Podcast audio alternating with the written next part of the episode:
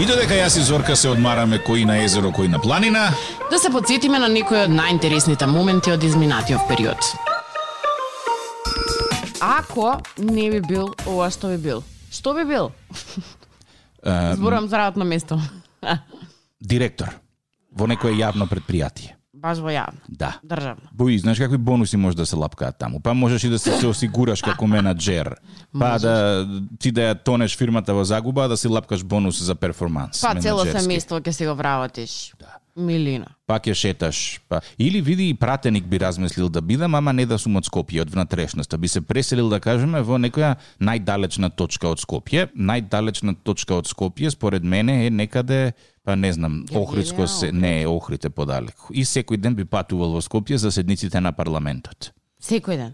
Да, И ќе ме оставиш сама тука во емисија. да. Што се секира зорке, ќе имаш од прва рака информација од парламентот. Ќе може секоја сабеле да правиме парламентарен брифинг. Што денеска ќе се случува во, во законодавниот дом? Леле, ти не си за таму.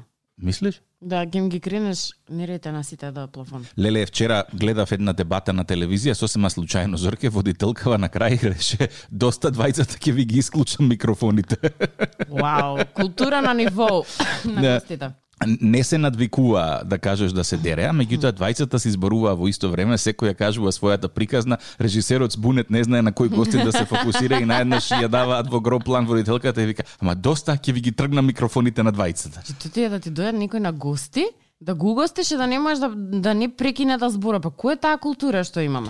Не знам, ама како си се научени да си верглаат едно те исто политичариве секоја чест. Значи, ама... Ама- јас не можам да, да, да, да, да верглам нешто во кое што не верувам. А тие, Зорке, па Тоа е тоа матрица. меди млеко, леле. Тоа е матрица, задоена на матрица и веќе знае што точно да каже за секоја работа и си веруваат слепо во тоа, тоа е уште потрагично. Те прашав заради тоа што излегоа ам, а, од овие нели истражувањава што се по Америкива, а, излегоа со листа на професии кои што се со најмал стрес, па сакам да ти понудам некоја од овие за да ти биде ам, не стресно секојдневието, на пример масар да бидеш. Ја мислам дека тоа е многу стресно. Нема шанси, не сум добар во работа со раце. Фитнес инструктор, Никако. нутриционист, ни ја ни ти. Не, нутриционист би можел да бидам. Во последно време многу читам и учам за квалитетна исхрана и реално Зорке која ќе ти кажа дека ти си тоа што јадеш, да. Точно е тоа. Фризер? Не, И ова ни ја не би била библиотекар. да. Оу, да. Добар ден, добар ден. Која книга сакате да Дури само тоа кажува. Шшт. Која книга сакате да ја прочитате денеска? Па не знам, предложи ми нешто со црнила. Весник Добро. да си земам. Да си земеш Не вестник. си ти за у библиотека. А, може да бидеш писател. Не можам. А, дали ќе го кажам се правилно? Ото ринголаринголог. Ото Рино. Риноларинголог. Да. Добро. Би можел. Па ја не. А, професор... А, ајде од а, ајде лево, ајде десно, ајде главата горе носот да видиме Па што толку. најтрачно Здрава па си. да. јас па горе право. Добро, а, би можел тоа да бидеш. Професор на факултет. Никако. Оу, да. Со денешна со денешниве студенти. Да. Ма никако за. Да, да. Јас е, слушам хорор приказни на луѓе кои што се бават со академија, како се е, однесуваат студентиве, сите факултети, без оглед на тоа дали е медицина, природни науки, информатика, апсолутна незаинтересираност викаат. Или пак се менуваат погледите на светот. И таа е таа генерацијска разлика. Би можел да бидеш кројач. Не. Ја би сакала. Шик, шик.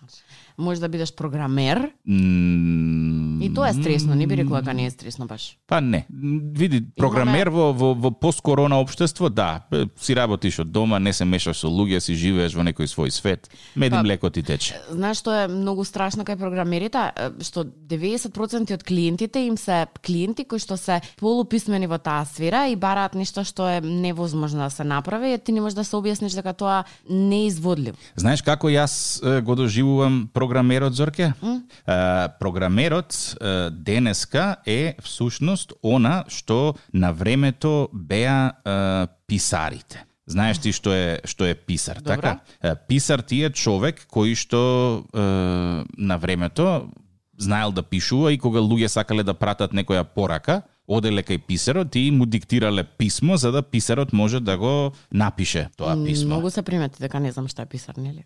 Да, добро. Е сега, денеска програмер ти е модерен писар. Да го нема нашиот програмер, Ние нема да имаме апликации. Програма. Ние нема да го имаме Facebook. Ние нема да го имаме Instagram.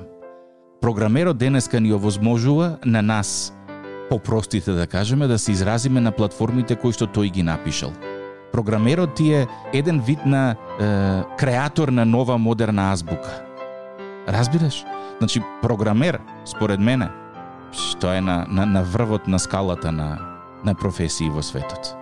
Програмерот контролира буквално сезорке. Програмерот го контролира матриксот во кој што се наоѓаме. Ако сега програмерот некаде напише дека тебе треба да ти падне чаша, тебе ќе ти падне чаша. Ти немаш контрола врз тоа. Програмерот го има тоа. Запомни го тоа. Програмер. Добро утро. Сова се Тик-так и Зорка.